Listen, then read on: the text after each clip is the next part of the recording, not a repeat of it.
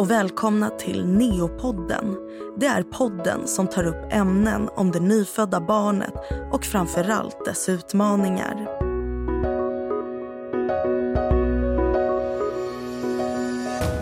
Den 8 april 2016 föds Aron i vecka 27 under dramatiska omständigheter. Utan förvarning får Helen kraftiga smärtor och ringer 112.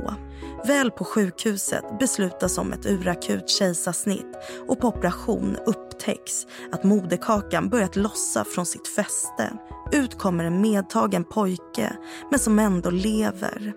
Det kritiska läget blir mer stabilt och Helen och hennes man Arvid börjar ställa in sig på att behöva spendera månader på neo. Men Aron drabbas av en lungblödning och lever bara i två dygn. I dagens avsnitt av Neopodden får vi ta del av Helens berättelse om sorgen, känslan av skuld men även ilska efter Arons bortgång. Hon delar även med sig om sin längtan efter att bli mamma och lyckan när lillebror Karl föds. Och mig vars röst ni hör heter Milla och jobbar i vanliga fall som barnmorska på neonatalavdelningen. Hej Helen och välkommen till Neopodden. Tack så mycket. Idag så ska vi ju prata om något som kan väcka mycket känslor och minnen inom en. Hur kändes det inför det här samtalet? Jag tyckte det kändes bra. Det har gått några år sedan vi förlorade vår son Aron. Och eh, jag, har, jag har pratat väldigt mycket om det så jag är, ja, men jag är ganska tränad i att prata om det. Eh, och det är lite som att jag har fått, jag har fått så pass mycket distans till det nu så att det kan nästan kännas som att man pratar om en annan person, även om det... Ja, jag pratar om mig själv, men det den personen jag var då.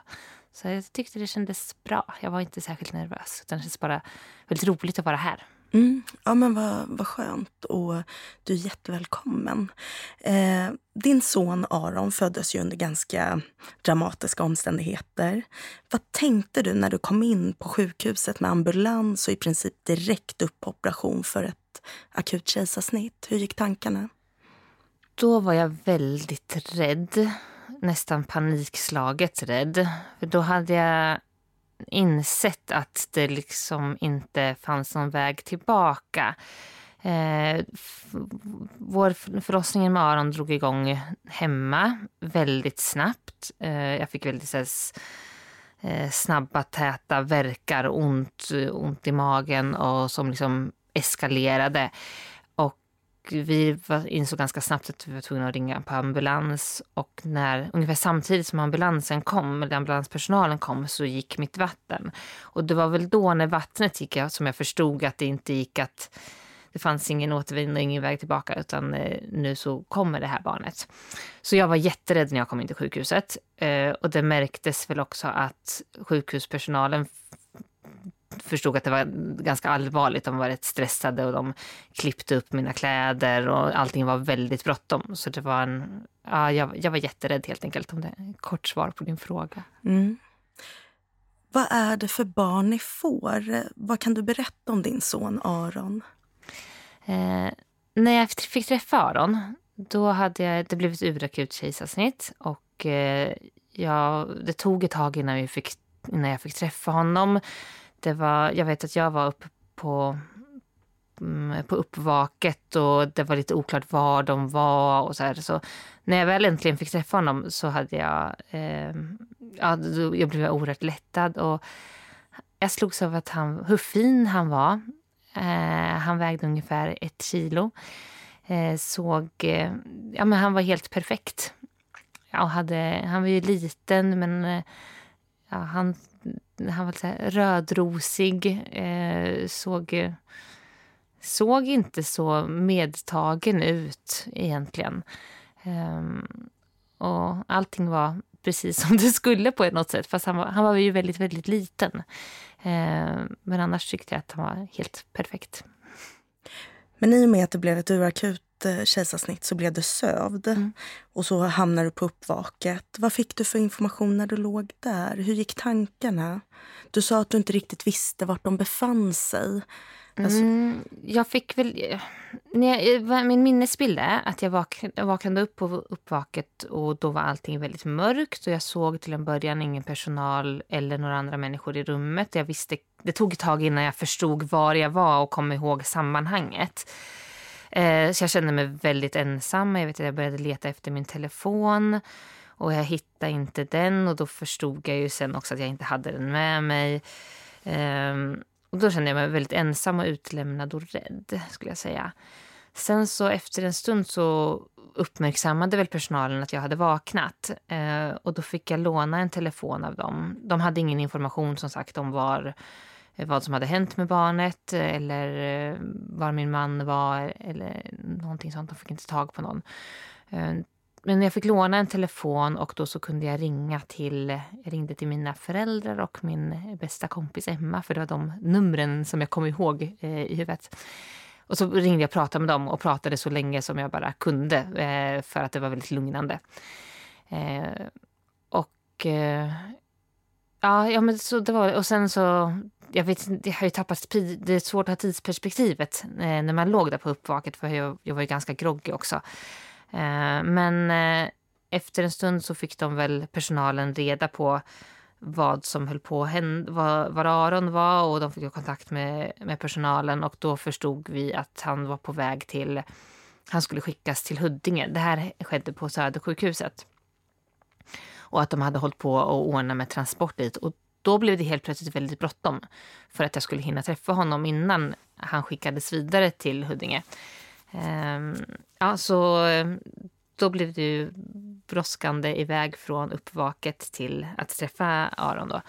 Ehm, ja, men jag känner mig som sagt eh, långt svar på din fråga där, men väldigt ensam, utsatt, eh, rädd, utlämnad. Men då skulle, skulle de transportera Aron till ett annat sjukhus. Mm. Hur blev det med dig då? Fick du komma efter eller fick ni åka tillsammans? Nej, vi fick komma efter. Eh, Aron åkte först i en någon slags ambulans tror jag. Eh, och sen så åkte jag och eh, Arvid, min man, i en sjuktransport till Huddinge. Och så vi kom dit strax efter. Och när vi kom till Huddinge då, då hade de redan kunnat, hunnit eh, jag höll på att säga installera Aron, det kanske är det fel uttryck, men då fanns han liksom upp i en kuvös och inne på neo uppkopplad och fick den vård han behövde. Mm. Men kunde du känna där och då, när du såg honom, att det här är mitt barn, det här är min Aron. Jag tänker i och med att du inte hade gått hela vägen, du hade liksom inte fått träffa honom direkt efter eh, kejsarsnittet och det hade fått ta sin tid lite. Jo, men det skulle jag säga att jag gjorde. Eh, jag fick... Jag var ju nyopererad och jag har en så ganska väldigt klar minnesbild av att han låg i, mm, låg i en korridor i en kuvös. Eh, och jag vet inte riktigt sammanhanget. Och sen så blev jag liksom ditskjutsad där jag var på min bår. Och att jag ändå liksom satte mig upp trots att jag var nyopererad i buken. Och eh, ja, men jag, jag, jag, fick, jag tror att jag, jag tror att jag fick eh, ta in händerna på, eh, i kuvösen då också, men jag kommer inte ihåg riktigt. Och jag vet att det var någon sköterska bakom som sa någonting i stil med att eh, kraften i nyblivna mammor som kan liksom sätta sig upp trots att man är nyopererad. Eh, så ja, absolut att jag kände den här... Jag, jag ville ta upp honom.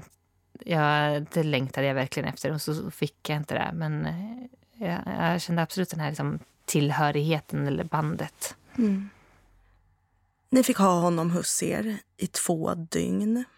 Hur skulle du beskriva de två dygnen?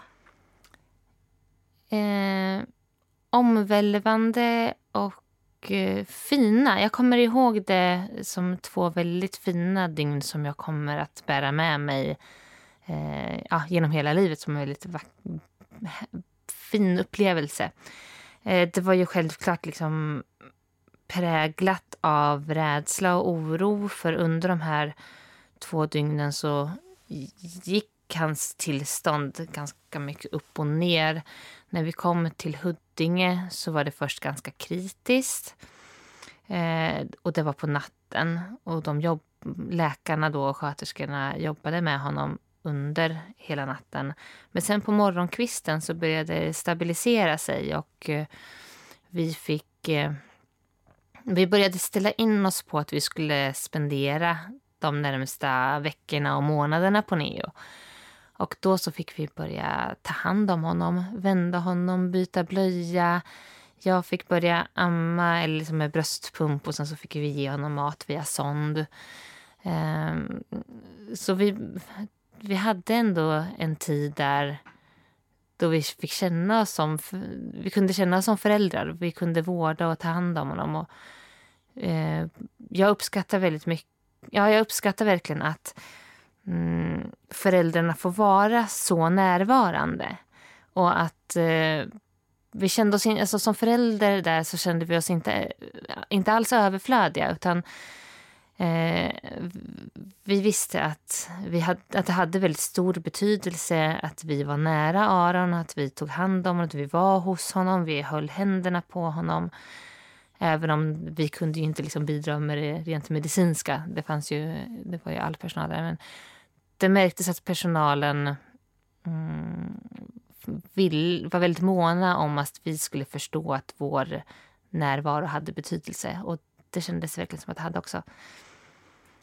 Sen också som lite ytterligare svar på din fråga så som sagt så kommer jag ihåg de här yngren som väldigt fina trots att eh, det hade ett eh, olyckligt slut. Men jag tror att jag medvetet har varit väldigt mån om att mm, bevara det minnet som ett fint minne och att det inte får överskuggas av det gick dåligt sen. Att det gick som det gick och allt det jobbiga som hände eh, efter att han hade gått bort också. Eh, utan att vi liksom har den... Ett, det som, den tiden vi fick med Aron måste få vara fin och bra. När förstod ni att det kanske ändå inte skulle gå hela vägen? Att Aron faktiskt kanske inte kommer att klara sig? Eh, det var... Mm, det här hände på en fredagkväll så åkte vi in. Och vi förstod det här på söndag morgon förmiddag någon gång. För då hade han, han hade blivit bättre, som sagt, där natten mellan ja, fredag och lördag. Och sen hade eh, han varit ganska stabil och läkarna hade, ja, de hade goda förhoppningar. De var måna om att eh, informera oss om att liksom, det fortfarande var kritiskt. Eh, han var tidigt, för tidigt född och en ganska dramatisk förlossning. Men han var stabil och han hade inte fått några hjärnskador eller så vad man kunde se. De, gjorde, de röntgade honom. Men eh, sen eh, under natten till söndagen så vaknade jag upp av att jag märkte att det var liv och rörelse utanför rummet där Aron låg. Vi hade ett rum som låg precis i anslutning till där han låg. Eh, och då så gick jag upp och, då var, och jag gick fram till eh, kuvösen och då var det återigen så hade den här stämningen som var först när vi kom dit. Den kände jag igen igen. Det var liksom en stressad stämning. Det var eh, maskiner som eh, pep och kurvor som gick upp och ner och man märkte att eh, sköterskorna och läkarna var eh, märkbart fokuserade. Det är något slags fokuserat lugn på något sätt. Ehm, eh, och så, så höll det på så där ett, några timmar. Det är också lite svårt att veta hur länge. Sen så... Jag tror att vi verkligen förstod att det skulle gå dåligt när sköterskan, en av sköterskorna kom och frågade om vi, om vi ville ha dit en präst. För, ja, men det, då, då, visste vi att okay, nej, men det här, nu är det riktigt kritiskt, annars skulle de inte ställa den frågan. Eh, men vi hade ändå förhoppningar ett tag till efter det tills dess att eh, han, läkaren som hade huvudansvaret för Aron kom och frågade om vi ville ha upp honom hos oss. Eh, och att det inte, då meddelade han också att eh, det inte gick att... De hade gjort det de kunde för honom. Eh, och att de inte skulle, att skulle klara av att rädda honom. Men att eh, vi gärna fick ha honom hos oss den här sista tiden. Eh, så då, det var egentligen först då som vi verkligen förstod. Vi bet oss kvar i förhoppningarna väldigt länge. skulle jag säga. Mm. Hur var det att få upp Aron och veta att eh, snart kommer han inte finnas kvar hos er? Ja, jag, hade, jag kopplade bort det. Jag tror att det här är någon slags eh, medvetet eller omedveten psykologisk mekanism som gjorde att jag kopplade bort allt det jobbiga i situationen. Och eh, jag var nästan bara glad över att jag skulle få ha honom hos mig. För det hade jag längtat efter sen, eh, sen han kom. Ehm, och jag tror att det här är också kanske ett sätt att skydda mig själv och Eh, bevara det fina i stunden. Eh, så jag vet vi, eh, både jag och min man låg i en sjukhussäng då. Och sen så fick jag upp honom vid bröstet och det hade jag ju verkligen det hade jag längtat efter jättemycket. Så jag kommer egentligen bara ihåg det, det fina i den stunden. Eh, och till och med där och då när det var så turbulent så kunde jag liksom ha sinnesnärvaro nog att eh, tänka, tänka bort allt, allt det jobbiga och bara glädjas åt att få hålla honom. Um, så jag vet att jag, jag grät ingenting då utan jag bara satt, satt där i sängen och eh, eh höll honom mot bröstet och pratade med honom och berättade... Ja, nu börjar jag nästan gråta. eh, eh, ja, men berättade om, om oss och hur hans säng han skulle få hemma. Och, eh, ja, så vi satt där med honom ett tag och mm, jag pratade oavbrutet med honom. Eh, efter Arvid han, han låg bakom och mm, ja, han grät. Och jag kunde inte göra det just då, utan det kom senare. Eh, men det, och det kommer jag också ha med mig som en, liksom, en fin stund. Så så här i efterhand, när du tänker tillbaka på den stunden så är det ändå med värme. Mm. Och Tänker du på, på den stunden ofta, som ni hade där? Nej, det gör jag inte så ofta. Eh, och det kanske är signifikativt, eller det, det är då det brister när jag liksom pratar om den stunden. Annars så klarar jag av att prata om väldigt mycket av det här utan att jag ska bli så känslomässig. Jag tycker att det är helt okej att bli känslomässig när jag pratar om det. Eh, nej men ibland så kan det komma över mig, men inte, inte jätteofta. Inte dagligen eller sådär. Jag tänker där och då så berättar du att du ändå kunde prata med Aron mm. och du höll dig ganska lugn medans eh, Eh, din partner var ledsen och grät. När infann sig den där liksom akuta sorgen för dig? Den, den akuta känslan där, du liksom, där det bara brister. Och man brister ut i sorg. Mm. så. Det skulle jag säga är när vi fick... Eh, mm, när vi skulle tvätta honom och ta hand och fotavtryck eh, och sätta på honom rena kläder. Då så brast det ordentligt på riktigt. Eh, efter att han hade gått bort och vi hade lämnat honom ifrån oss då ville jag... Då gick Arvid och jag in till vårt rum och då vet jag att jag ville känna... Eh, jag behövde känna hud, så att jag jag tog av mig alla kläder och jag sa till Arvid att göra likadant för att jag behövde liksom känna närhet och så mycket närhet som man kunde få. Eh, och sen så låg vi egentligen bara och kramades och höll om varandra. Eh, och sen efter en stund så kom personalen in och eh, förberedde oss på att vi skulle ha den här liksom handavtrycks och fotavtrycksproceduren. Och, eh, och då när vi fick se honom igen, det, det tyckte jag var jättejobbigt. Då så brast det. Jag klarade inte av att, först klarade jag inte av att gå fram till sängen. Eh, och jag klarade, det kändes oerhört svårt att göra det vi skulle göra. Mm. Samtidigt så visste jag också att hur viktig den processen är.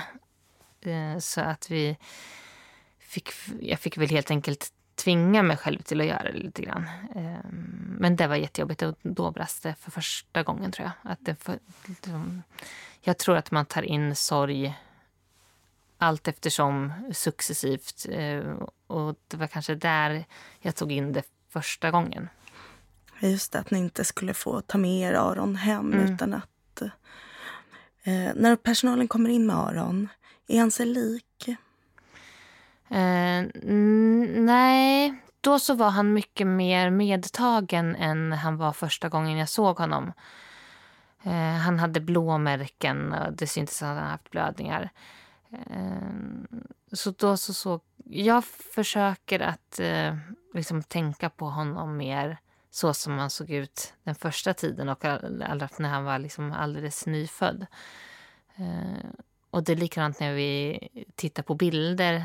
Det gör vi inte så mycket längre, men jag gjorde det mycket i början. Då så tittade jag framförallt på de här första bilderna från SÖS när han fortfarande var eh, ja, såg frisk ut. Mm. Eh, för då var han lite mer medtagen. Vad betyder de bilderna idag för er? Mm. Eller har gjort under tiden? De har betytt jättemycket.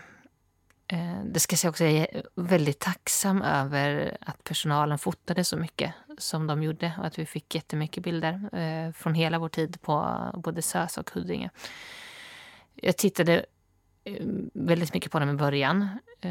Särskilt den här första tiden. Då tittade jag, jag kunde sitta och titta på dem ja, jag vet inte, varje dag, hela dagarna nästan. Eh, och sen har det där klingat av lite allt eftersom. Nu var det länge sedan vi tittade på dem, eh, men vi vet ju att de finns där. Vi har dem inte, vi har inga bilder på Aron framme så. Det vet jag vissa har, men vi har inte det. Nej. När du tänker på Aron idag, ser du ett litet barn då? Ser du ett alldeles nyfödd, en nyfödd Aron? Eller ser du honom som några år gammal? Nej, jag ser honom som alldeles nyfödd. Eh, alltså jag kan ju ofta tänka på hur han, hur han hade blivit, hur det hade varit. Eh, men jag ser honom som nyfödd. Och det är ju också att han har fått en, en lillebror eh, som heter Karl. Och eh, jag har lite svårt att komma... Jag ser Aron på något sätt som Karls lillebror fast jag vet att det är tvärtom för att Aron är ändå alltid liten för mig. Ja, just det, så Karl har liksom rent i känsla och i, i tanken vuxit om Aron. Ja, ja men lite mm. så faktiskt. Eh, så att jag får, det, är, det är ju Karls storebror, men det, det där är lite, det blir lite fel mm. det är helt så svårt att... Jag tänker väl hemma, när ni kommer hem från sjukhuset. Hur tar sig sorgen ut? Sörjer ni på ehm, på olika sätt, du och din man? Mm, eh, det gör vi. Jag tror att Arvid blev mer eh, omhändertagande. Han tog hand om mig. Eh, hans, eh, Arvid sörjde också självklart jättemycket. Eh, men jag tror att han kanske såg det lite som sin uppgift att eh, ta hand om mig. Eh, och att det gjorde att... Ja, det kanske kunde liksom hjälpa honom att få lite mer så struktur och mening. Ehm, jag... Ja, det, jag, jag sörjde oerhört mycket. Ehm, inte... Eh, ska säga också att innan Aron kom så jobb, kämpade vi ganska länge med IVF och vi hade svårt att få barn. Och eh, det är inte så att vi sörjer, att sorgen blir värre för det eller att, eh, ja, förlust, att den förlusten är värre än för andra föräldrar. Men jag var ganska bräcklig och illa rustad för redan när vi gick in i den här processen för jag hade mått dåligt innan. Ehm, Ja, hur ska jag beskriva den eh, sorg, sorgeperioden? Jag skulle säga att eh, till en start eh, så så var det väldigt överväldigande. Det var svårt att veta vad man kände. Man visste inte riktigt varken ut eller in. Ska jag säga den första veckan så kände jag väldigt mycket kärlek. Eh, kanske. Eh, och jag var tacksamhet. Det var så många runt omkring oss som var ett så fint stöd. Både som personalen och våra familjer och våra vänner. Eh, jag vet att jag kramade alla väldigt mycket. Och sen så tror jag också det spelar roll att jag var nybliven mamma och min kropp var nybliven mamma med alla dessa liksom hormoner som kommer med det. Eh, vilket tror jag påverkar vår sinnes, eh, sinnesstämningen. och jag skulle säga att första veckan var eh, liksom ett virrvarr av känslor. Men inte så mycket sorg och ledsamhet så som det kom senare. Eh, och sorgen kom nog sen successivt. Jag tror det här, det här kan bli ett väldigt långt svar. Ja, det är helt okej. Vi kan dela upp det sen. Men det jag har i alla fall så här, eh, förstått nu i efterhand när det gäller sorg så är att det liksom inte, absolut inte bara handlar om ledsenhet. Eh, utan det är så mycket olika känslor som, som kommer i en sorgeprocess. Det är eh, skuld och skam och ilska och bitterhet och oro och ångest och liksom ren eh, saknad och ledsenhet. Eh, men eh, den tar sig väldigt många uttryck. Mm. Du nämnde lite kort där att du var redan bräcklig från start i och med att ni hade försökt mm. eh, att, bli, att, att, bli med barn. Mm. Eh, så du bar också ett känslomässigt sår mm. med dig under den här ja, men både graviditeten och sen så blir det så att det heller liksom inte blir ett barn ni kan få ta med er hem. Um, och den, den känslan tror jag många delar med mm. dig så att man... Det är så mycket att bearbeta och på något sätt eh, försonas med. Men kunde man också någonstans känna att yes, min kropp kunde ändå bli gravid? Eller kände man bara så här, fasen det här, det här går inte. Jag får liksom inte till det, min kropp vill inte. Mm, nej, jag, jag skulle säga att ganska snart efter att eh, vi hade förlorat Aron så var jag väldigt, så visste jag att jag ville ha eh, ett nytt barn. Eh, och det hade gått första gången mm, och när vi gjorde IVF-försök så, så gick det första, på första IVF-försöket. Eh, så vi, vi hade hållit på med andra typer av hormontabletter och eh, sprutor innan. Men just IVF funkade på första försöket. Och därför var jag, eh, hade jag en ganska stark tro eh, på att det skulle gå igen. Så mitt, mitt mål blev ju att vi skulle få sätta igång nya IVF-försök och bli gravida igen. Och det var ganska snart efter att Aron hade gått bort. Och det blev ju också, det var rätt komplext för eh, de känslorna medförde också mycket skuld gentemot Aron. För att vi, ja, det här att jag, att jag ville ha ett, barn, ett nytt barn så snabbt igen. Och eh, jag var liksom orolig över vad människor skulle tycka om det. Eh, vad läkare och min familj och vänner skulle tycka om att vi ville ha ett nytt barn. Att, um, jag ville också visa mig redo för det. Uh, och det här att få ett nytt barn och bli så pass både fysiskt och mentalt stabil och frisk eh, att, för att orka ta sig igenom nya UF-behandlingar, Det blir ju som en drivkraft för att jag skulle ta mig igenom sorgen. Och det hade väl till viss del en positiv inverkan. Eh, för att jag, det gjorde att jag jobbade ganska aktivt i mitt sorgarbete. Om man nu kan jobba aktivt med sorg. Eh, genom att gå till psykolog och mm, jobbade med olika verktyg för att hantera oro och ångest och alla de känslor som kommer med sorgen. Men samtidigt så hade jag också väldigt svårt att acceptera att det skulle ta tid. Jag mm. ville bara att det här skulle vara över. Jag ville bara bli frisk igen, liksom, eller må bra igen. Jag tänker, precis som du sa, du sörjde din son Aron samtidigt som du längtade efter att bli mamma. Mm. Eh, vilket var förknippat med mycket smärtsamma känslor. Du nämnde skuld, du nämnde rädsla och ilska. Eh, kan du inte beskriva de känslorna lite mer. Mm. Vad, vad var du rädd för? Vad låg räds, rädslan i? Och även ilskan.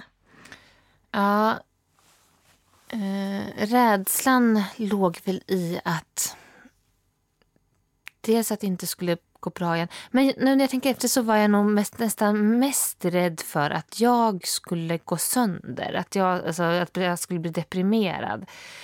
Eh, det, eh, när man är i en sån här situation upplever jag i alla fall att det är svårt att veta skillnaden mellan sorg och eh, depression. Och jag var rädd att jag skulle gå över gränsen från sorgen och in i en depression utan att jag blev uppfångad eller fick hjälp eh, med det. Eh, ja, jag var helt enkelt rädd för att se skillnaden mellan eh, sorg och depression. Och med tanke på att jag hade mått dåligt innan eh, jag blev, fick Aron så förstod jag också på något sätt det här att det var, en, att det var väldigt allvarligt det som hade drabbat oss. Jag, jag var rädd att jag inte skulle klara av att hantera det. Jag var rädd för vad det skulle göra med, min, med vår relation, alltså min och Arvids relation. Ehm, och att den skulle inte klara av att hantera det här. Så mycket sådana saker var jag rädd för. Mm. Ehm, och när vi kom till, till ilska så var jag ju... Ja, jag var arg på det faktumet att det hade hänt. eh, jag tror att det var en ganska ilska som inte hade någon riktning riktigt. Eh, skulle jag säga. Kände du någon ilska mot dig själv och din kropp? Nej, inte ilska mot mig själv och min kropp. Däremot så kunde jag eh, vara väldigt... Jag hade kanske... Jag undrade ofta om det var någonting som jag hade gjort fel. Om jag hade ätit någonting. Jag vet att jag åt sushi någon gång. Och om, om jag hade kunnat gjort någonting annorlunda för att det inte skulle hända. Eh, så det där höll jag på att älta ganska mycket. Eh, eller om jag hade tränat för, för mycket. Ja. Mm. Kunde du känna någon eh, skuld, liksom sådär att eh, andra kvinnor kan men inte jag? Alltså, kan, piskar du dig själv lite? Alltså, förstår jag tänker? Att man är sådär lite elak mot sig själv och säger att men den där kunde och mm. varför kan då inte jag? Fanns det några sådana tankar? Eh, absolut att jag piskade mig själv. Eh, men inte så här att, att jag skuldbelade mig själv för att jag inte kunde få barn eller få ett friskt barn som överlevde och att andra kvinnor kunde det. Utan mer det här att jag satte faktiskt upp lite som ett som ett schema för mig själv nästan för att jag skulle liksom ta mig igenom sorgen. Att jag, um, jag, ville, jag ville aktivt på, skynda på och påverka och ta, mitt sätt att ta mig igenom sorgen. Uh, och i det... Jag, jag, jag påverkade plockade där jag kunde påverka. Så då vet jag att jag började liksom med, med kroppen och liksom så, här, så att jag satte upp ett träningsschema för mig själv som jag skulle följa och att jag skulle börja, liksom när de här 8-10 veckorna hade gått, att jag skulle börja springa och sådär. Eh, och sen så gjorde, läste jag väldigt mycket psykologi och jag läste väldigt mycket om sorg och jag ville veta vad som hände inom mig och förstå den processen som jag gick igenom. Både för att jag ville förstå vad, eh, vad jag gick igenom och också för att jag ville kunna hjälpa mig själv genom den processen. Så på så sätt så liksom, eh, piskade jag mig själv framåt på något sätt.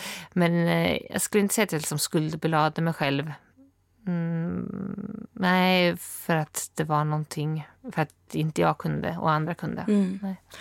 Och jag tänker, ofta så handlar ju inte det om missundsamhet eller sådär, att man liksom missunnar en annan kvinna, utan mer att det kanske väcker ett känslomässigt sår. Att eh, där sitter de med sitt barn som nu lever och det kunde ha varit jag. Förstår du? Mm. Jag tänker att man liksom mer sörjer föreställningen att mitt barn skulle också ha varit här och man såg sig liksom vara den här familjen eller ha det här barnet. Var det så att, att ni sörjde också det mm. ni hade hoppats få på något vis? Absolut. Eh, ja, både det som du beskriver, att jag känner, jag känner väldigt mycket avundsjuka eh, gentemot eh, andra mammor. Eh, och det är speciellt här, för så som du säger så sörjer man det som man inte, fi inte fick.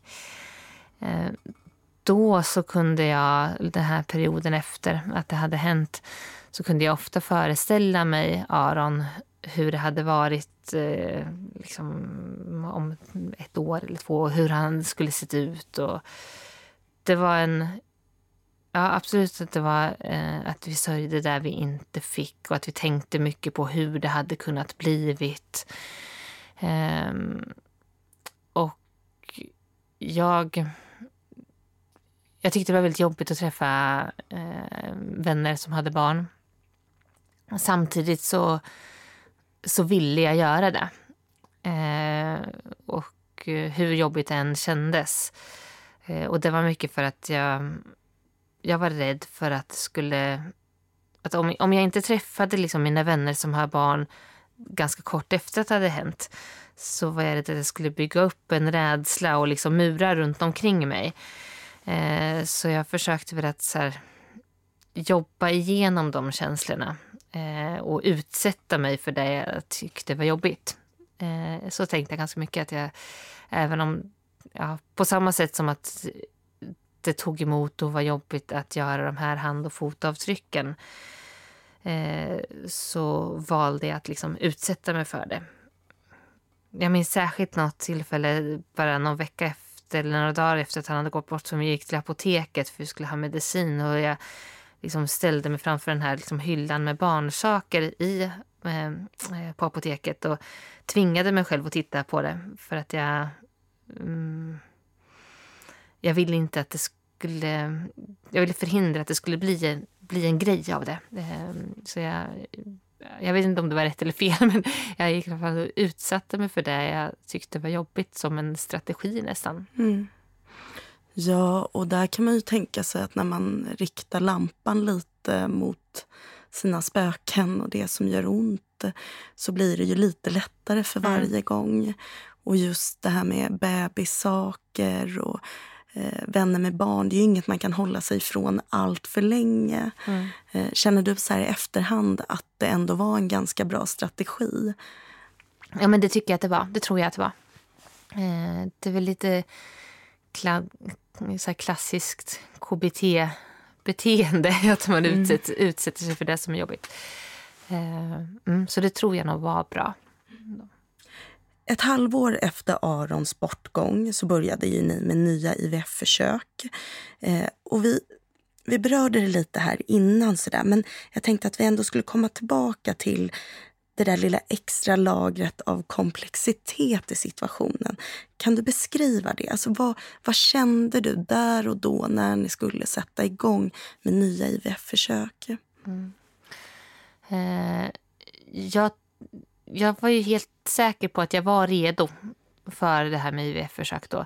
Eh, jag hade längtat väldigt mycket eh, hela sommaren för att um, få dra igång de här försöken. Och eh, man kan tycka att en sommar inte är så lång tid och vi, vi pratar ju om liksom månader och veckor här men tiden blir väldigt annorlunda när man lever i sorg, upplever jag i alla fall. Eh, jag tror att tiden var kanske min största utmaning. Eh, jag kunde sitta och liksom räkna timmar på en dag nästan sådär. Så att, ja, även om det kan tyckas som kort tid från april till september eh, med att vänta på IVF-försök så kändes det oerhört lång tid för mig. Eh, och jag hade längtat jättemycket. Och sen när vi väl skulle börja med dem så insåg jag väl efter en tid, efter bara då när vi satte igång första försöket och började med sprutor, hur att det var mycket jobbigare än jag trodde. Eh, jag vet jag satte upp de här liksom, ampullerna framför mig första gången jag skulle ta dem och började kände liksom det har lite speciell metallisk doft och jag liksom började gråta med en gång. Eh, så jag trodde nog, dels jag trodde att jag var mer redo än vad jag var. Eh, och jag hade ju det, människor runt omkring mig kanske förstod det här också, både min man och eh, läkarna. Men jag hade försökt att liksom upprätthålla en fasad nästan. Att eh, visa för dem att eh, jag minsann var, var redo för det här. Eh, men det var jag inte. Så... Men varför, varför var det så viktigt att visa att du var redo? Var du rädd för att läkarna skulle säga nej? Mm. Det var jag. Jag var mm. rädd för att läkarna skulle säga nej. Jag var rädd för att min, min man skulle liksom, tycka att vi skulle vänta. Mm, så absolut, mm. det var jag. Ja, och du hade ju det här målet liksom i mm. sikte. Mm. Du ville ju bli mamma. Och även fast du blev mamma så fick du ju inte ta hem Aron. Mm. Eh, och... Ja, det blev lite som en slags moment 22 eh, situation. att Jag kunde inte se att jag skulle kunna må bra igen innan vi fick ett nytt barn. Och samtidigt så var jag tvungen att må bra för att vi skulle kunna genomgå de här behandlingarna. Så det, var, det blev en väldigt svår och komplex situation. Eh, och sen också den här, som jag beskrev förut, en eh, skuld och eh, skam för att, vi, för att jag ville så gärna ha ett nytt barn så tidigt. Så, så nära inpå. Skuld och skam gentemot vad? Gentemot, eh, gentemot Aron, skulle jag säga.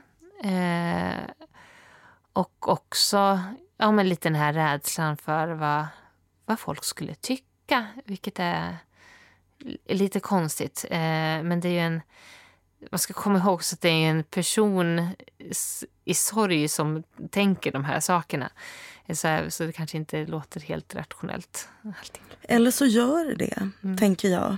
Alltså, längtan efter barn är ju så stark. Och jag tänker också när man liksom blir lite snuvad på det. Mm. Det gör ju bara kanske att den här känslan och den här drivkraften bara tuff, blir ännu starkare. Mm. Eh, jag vet inte, men... Jo, och vi hade ju fått, vi hade fått ha honom hos oss och vi hade fått, jag hade fått uppleva mm, den här känslan av att ha ett nytt barn och liksom alla de känslor. Ja, den, liksom, även om det var kort tid så var det ju liksom bottenlös kärlek. eh, ja, så jag tror att liksom, jag, jag ville ha tillbaka det. Jag ville, mm. ja. ja, och man kan ju Alltså, människan och hjärnan alltså, är ju så bra på så sätt att man kan ju faktiskt hålla flera tankar och flera känslor samtidigt. Mm. De måste ju inte vara i konflikt med varandra. Man kan, vara, man kan sörja ett barn och längta efter ett annat. Mm. Eh, och det betyder ju inte att man älskar det ena mer eller mindre så.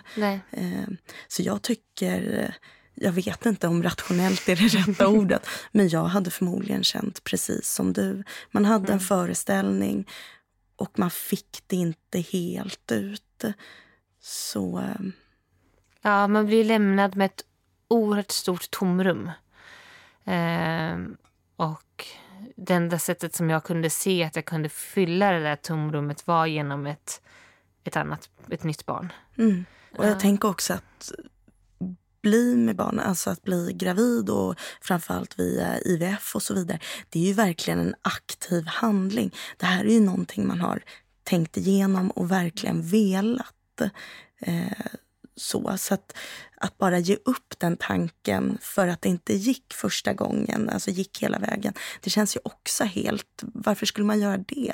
Det, det gör man ju annars inte i andra sammanhang om man verkligen vill ha något. Och kämpar man ju ofta för det. Mm. Så att eh, jag vet inte om det är det bästa att hoppa på efter ett halvår. Men jag förstår. Ja, och jag vet inte om det hade varit bättre att ha gjort det på något annat sätt heller. Eh, men så här, för det här med IVF-behandlingar blev ju nästan något som en besatthet från min sida, ska, om jag ska vara ärlig. För att jag såg det som den enda vägen ut ur sorgen. Eh, samtidigt då under, under hösten, så, som jag sa tidigare, så gick jag hos en psykolog och eh, jobbade mycket med eh, Ja, det var en, en särskild KBT-metod som heter ACT eh, som handlar mycket om hur man hanterar oro, och ångest och mm, mm, negativa mm. känslor. Eh, och och allt eftersom tiden gick så tyckte jag ändå att de där metoderna fungerade och jag började må bättre på egen hand. Och om jag ska vara ärlig så fram... Det här, om det här Aron gick bort i april och efter årsskiftet någon gång då skulle jag säga att jag hade kommit fram till en vändpunkt lite, lite grann. Då så handlade inte allt, allt längre om Aron eller liksom strävan efter ett nytt barn. Utan då hade jag kommit till en punkt där jag ändå kunde må bra på, e, på egna ben. Eh, och så här i efterhand så tycker jag att det var väldigt skönt att jag kom dit hän så att innan, innan vi blev gravida med Karl så hade jag kommit till en punkt där jag ändå mådde ganska bra. Vilket gjorde att det att Karl kom, eller att jag blev gravid med honom, det var inte det som eh, så att säga liksom räddade mig. Utan jag klarade av att ta mig ur den liksom värsta sorgeperioden själv. Och det känns som en trygghet nu så här i efterhand. Och du blev ju så småningom gravid och väntade Arons lillebror Karl. Eh, vilka känslor... Alltså, vad kände du under graviditeten? Vilka var de starkaste känslorna? Oj. Eh, jag, var, jag var inte så orolig som jag hade befarat att jag skulle vara. Eh, men jag tror att det var framförallt liksom glädje och eh, förväntan och en liksom, eh, kärlek till vårt barnet i magen. Eh, jag tänkte och jag pratade med Arvid väldigt mycket om hur vi skulle hantera eh, en ny graviditet. Och, det fanns ju liksom de tankarna på att man skulle att vi skulle försöka, eller att jag hade liksom tankar på att jag skulle försöka distansera mig från barnet och att för att, av rädsla för att det skulle hända igen. Eh, men, hade ni pratat om det? Eller? Alltså, vi hade pratat om hur vi skulle hantera en, en graviditet. Eh, men jag val, vi valde väldigt aktivt, eller jag valde väldigt aktivt att glädjas åt den här nya graviditeten så mycket jag bara kunde och eh, liksom ta till mig barnet så mycket jag kunde redan tidigt. För att, eh, ja om vi... Jag tror, dels tror jag att det är svårt att låta bli att göra det. Ja, det, det känns ju inte helt att distansera sig. Nej, Nej, det, jag, jag, tror att vi, vi valde, eller jag valde och resonerade helt så här, rätt och riktigt. Så att vi, vi gladdes åt den nya, eh, åt graviditeten. Eh, och liksom gick upp i det väldigt mycket. Eh, och försökte hantera oron så gott det gick. Eh, där hade jag väldigt stor nytta av de verktyg och liksom det här eh, som jag hade lärt mig. Jag, jag, mediterade ganska mycket och gick på yoga och jobbade mycket med sådana saker mm. för att liksom hantera den oron som ändå fanns där. Ja, och jag tänker just det här med att älska eller alltså att våga älska mm. eller att distansera sig. Mm. Man ångrar ju nästan aldrig att man vågade. Eh, men jag kan tänka mig att det är lätt att ångra om man inte vågar mm. eller att, man, att det liksom skaver lite inom mm. en. så. Eh, och jag tänker också att du faktiskt vågade där vara nära Aron, mm. hans sista tid och tvätta och klä på honom. Och det är också någonting du tänker tillbaka på idag som någonting värdefullt och fint. Eh, så jag tror vilket ni också gjorde. Mm. Jag tror det var helt rätt att våga mm. vara glad över graviditeten och våga älska. Det var älska. bra uttryck det med våga älska. Det var liksom precis så jag tänkte. Ja. Minns du... Jag tänker, Aron föddes ju i vecka 27, va? Mm. mm. Hur var det i graviditeten med Karl och du klev över vecka 27? Alltså att du behöll Karl i magen. Det var jätteskönt. Eh, och vecka 27 var ju en magisk gräns eh, för oss och det var väl lite av två skäl. För, både för att vi förlorade Aron då, eller för att eh, han kom då. Men också för att vecka 27 är lite av en eh, magisk gräns som jag har förstått det rätt. När det gäller lungornas utveckling eh, och så här att barn som föds efter vecka 27 eh, är oftast mycket mer stabila och har mycket bättre förutsättningar. Eh, så det var jätte, jätteskönt. Mm. Då kunde vi slappna av eh, ännu mer. Minns du hur det var att få hålla Karl första gången? Eh, vet du att det gör jag faktiskt inte. Eh, jag har tänkt på det här i efterhand. Eh, för vi har inte varit inne på den, men Karl föddes också för tidigt. Han föddes i vecka 34 med urakut kejsarsnitt. Så det var samma eh, procedur där, att jag blev nedsövd. Eh, och eh, vid det, vid det tillfället, vid den förlossningen, så, då så fanns det någon hos mig när jag vaknade, så det gick mycket bättre. Men jag kommer inte ihåg när jag träffade Karl första gången. Och eh, jag sörjde det ganska mycket i början när saker och ting var väldigt turbulent. Men det gör jag inte längre. Nej. Du sa att någon fanns hos dig. Mm. Vem var den här någon och vad berättade den för dig? Eh, ja, jag, jag vet att det var en sköterska men eh, jag kommer inte ihåg hur personen såg ut. Jag hade varit sövd och var ganska groggy. Eh, men eh, jag vet att hon sa att eh, vår son mådde bra och att de fanns på neonatalen. Och eh, efter ett par timmar så fick jag eh, så körde de ner mig till, eh, till Neo där Arvid och vår son var. Mm så här några år eh, efter, då, sen Arons eh, bortgång.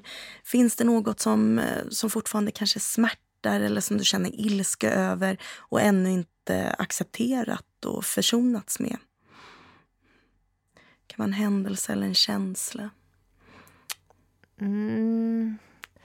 Nej, det som jag så här i efterhand som jag liksom pratat om mycket, det är väl kanske liksom omvärldens reaktioner när någonting sånt här har hänt. Ehm, jag upplever att det blev en tid efter att det hade hänt och liksom eh, de månaderna efteråt så blev det ganska tyst runt omkring. Och eh, inte från vår liksom närmsta familj och närmsta vänner men de här liksom bekantskaperna som man har och kollegor och Eh, det var väldigt tydligt att de inte visste riktigt hur de skulle hantera situationen och då blev de istället ofta ganska tysta och inte sa någonting.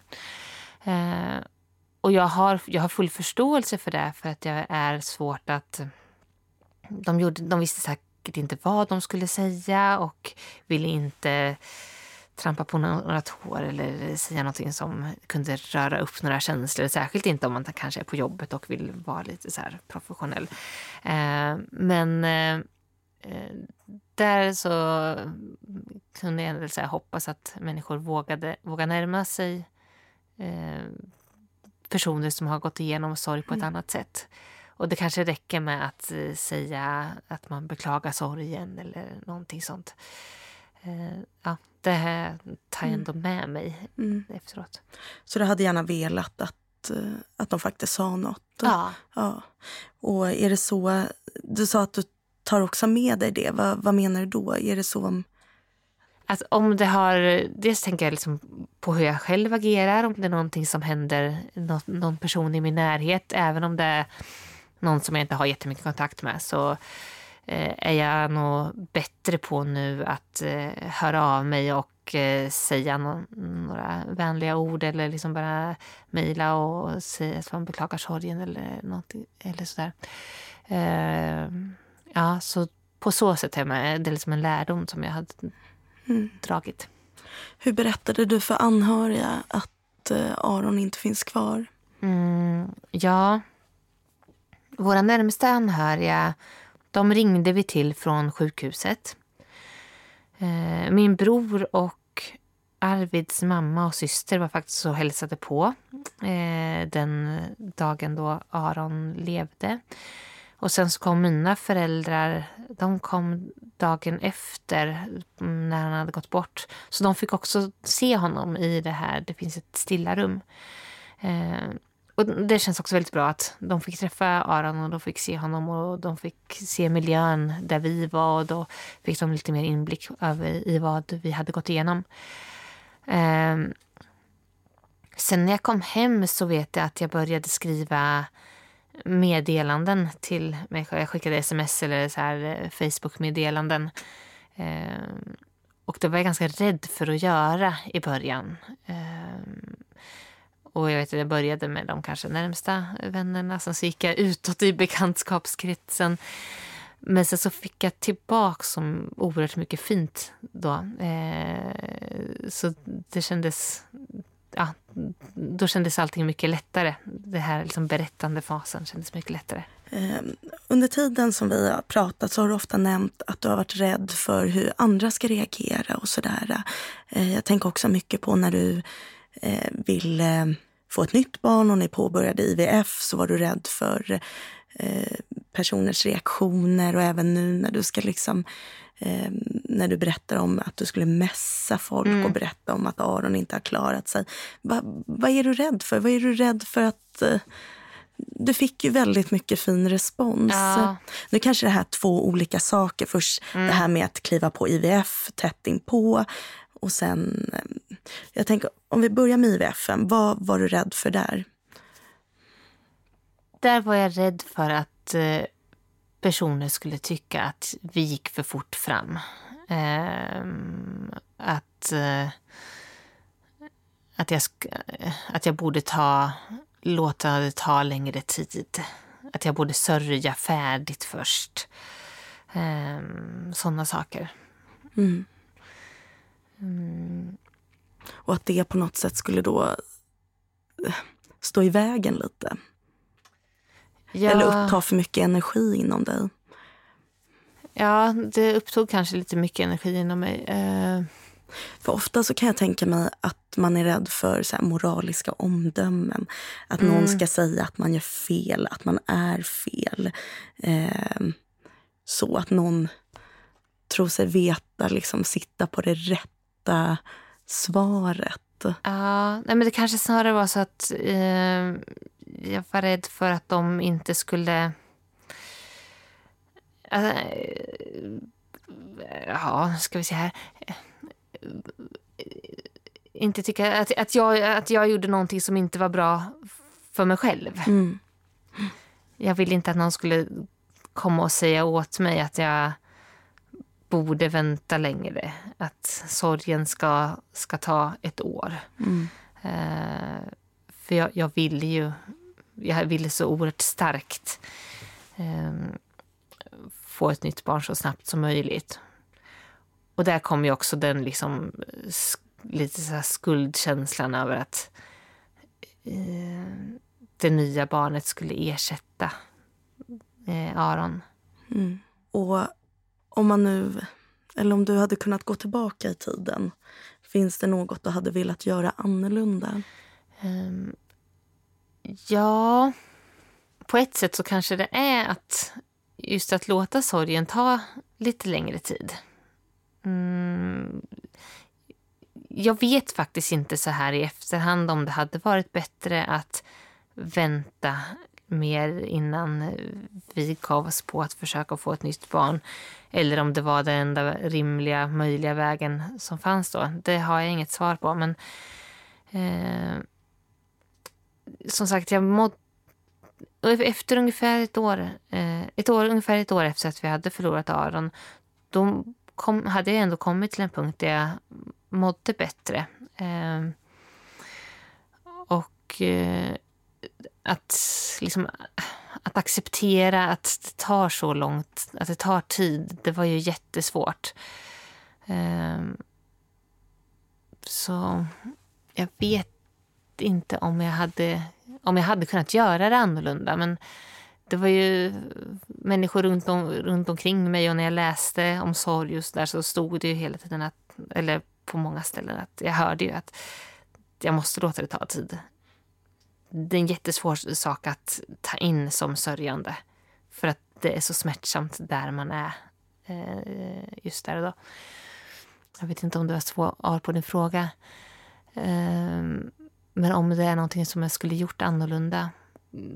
Nej, jag, jag kan inte se att det hade varit möjligt att göra någonting annorlunda. Du har ju skrivit en bok om det ni har varit mm. igenom. Eh, kan du inte berätta lite kort om eh, vad skrivandet har gett dig och vad boken har betytt för dig? Mm. Ja, eh, för under, under året efter Aron, det här liksom sorgåret, då skrev jag ganska mycket eh, liksom mer så lösa dagboksanteckningar. Jag skrev bland annat en tacksamhetsdagbok. Och, eh, jag är en skrivande person så jag skriver ganska mycket. Eh, men då var det bara lösa, lösryckta stycken stycken, så där. Ingenting som var sammanhängande utan mer dagboksanteckningar. Eh, och sen så började väl allt eftersom eh, idén komma att liksom sätta ihop det här till en bok. Och jag tror att den främsta drivkraften där var väl att jag ville att det skulle komma någonting gott ur Arons död. Och någonting gott ur det här tunga året som eh, den, det var. Um, och då ville jag, både för att kanske liksom hedra Aron, eller ett minne till Aron. Men också framförallt för att jag ville hjälpa andra som har gått igenom eh, liknande saker. Eh, så det var ju då när jag var föräldraledig med Karl framförallt som jag påbörjade, och liksom färd, eh, påbörjade manusarbetet och satte ihop.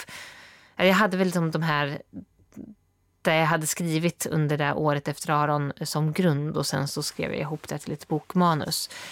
Och där är ju mycket fokus på just sorgearbetet och hur jag tog mig igenom det sorgearbetet. Eh, och vad det var som hjälpte mig. Och eh, det är inte säkert att det är rätt lösning för, för alla. Eh, jag tror att alla måste hitta sin egen väg genom sorgen. Men det kanske kan ge, en, ge tankar och eh, inspiration, kanske fel ord i det här eh, tillfället, men jag kan inte hitta något annat till sätt att liksom, ta sig igenom sorgen och visa på att, att det är möjligt. Eh, att, för när man är, väl är där och har förlorat ett barn ehm, det, det, det, är så oerhört mörkt eh, och det är svårt att se att det någonsin kommer kunna gå bra. Eh, och då tänker jag att det kan vara en, den här typen av bok kan vara ett bra sätt att faktiskt visa att det kommer bli bra igen, mm. även om det är svårt att se. Eh, mm. Så det har varit en bearbetning också för dig? Jo, men det har det. Eh, skriva? Ja. Först var det den här liksom första bearbetningen just under den mest intensiva sorgeperioden. Eh, och där var bak, eh, dagboksskrivandet ett sätt att eh, dels ventilera det som hände och också, det här är som jag nämnde med tacksamhetsdagboken, det här handlar om att man skriver upp saker man är tacksam för varje dag. Eh, så det var ett sätt att påminna eh, att faktiskt påminna sig själv om att saker faktiskt är bra också, mitt, mitt i det här jobbiga.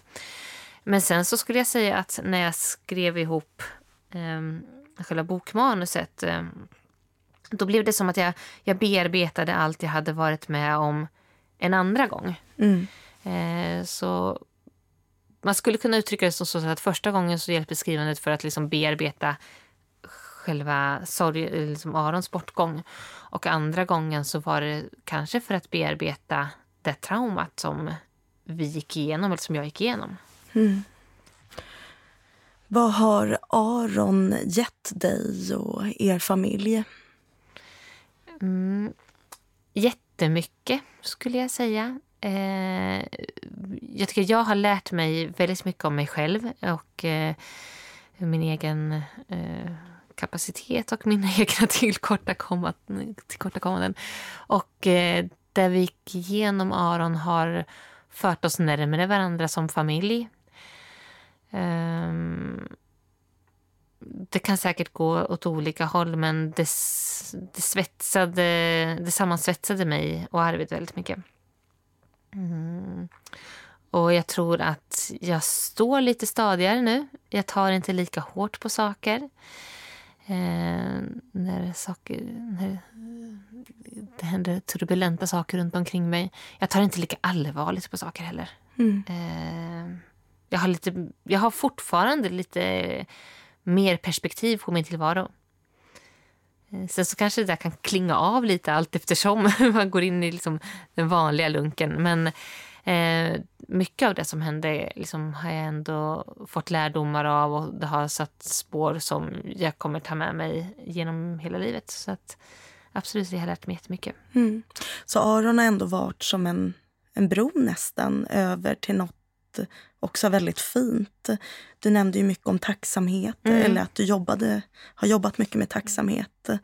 Um, har du idag lättare att exempelvis ja, men att se, känna dig tacksam över det du har?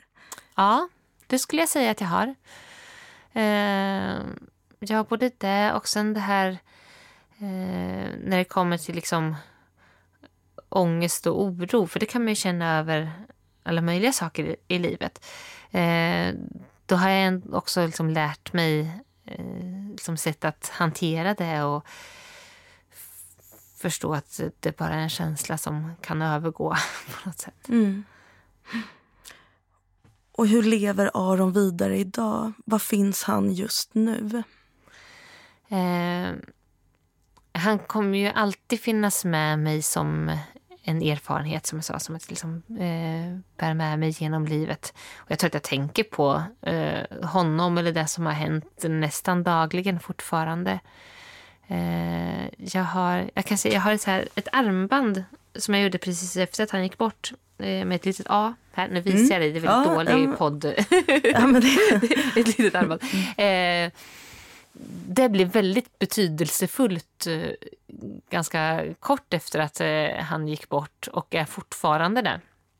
Mm, vi, eh, vi hade ju begravning för Aron och det finns ju en minneslund men där tror jag bara jag varit förbi någon gång och vi har inga kort framme heller. Men just det här armbandet blev oerhört betydelsefullt och det bär jag ju med mig. Det bär jag alltid med mig. Eh, och nu så, ja, efter att Karl föddes så satte jag in ett C också. Så att vi har, mm. Mm.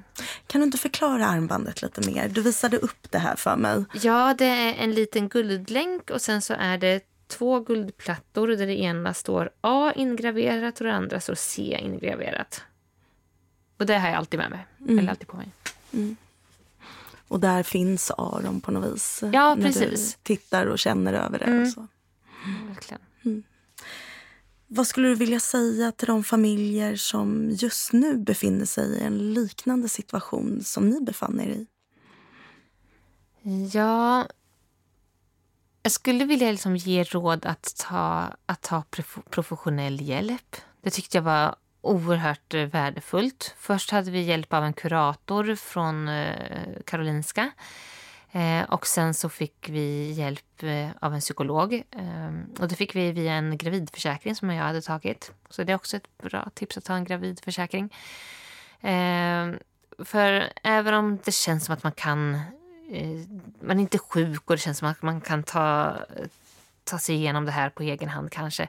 Så tyckte jag som jag sa tidigare att det var en stor trygghet att ha en psykolog där som kunde hjälpa en, mig att eh, se skillnaden mellan eh, eh, sorg och depression.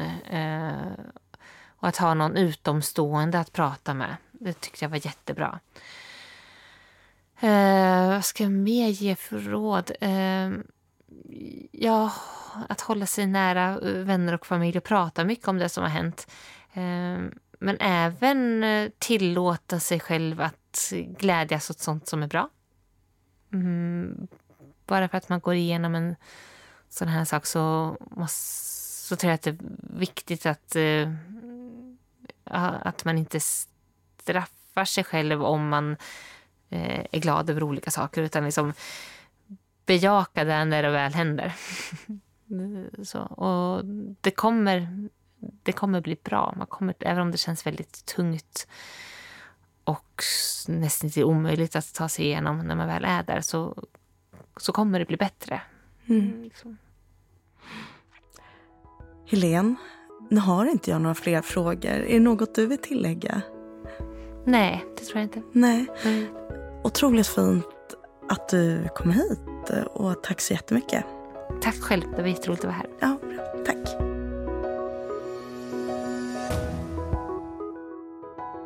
Det var allt från Neopodden den här gången. Tack ni som lyssnat och extra tack till Helene Klint som så öppet och varmt delade med sig om tiden med och efter Aron. Och för er som är intresserade av att läsa boken så heter den Året efter Aron. Och är det så att du som lyssnar har några funderingar, gå gärna in på vår Instagram-sida Neokarolinska och där kan du skriva till oss eller eh, tyck till. Berätta för oss vad ni tycker om podden. Tack!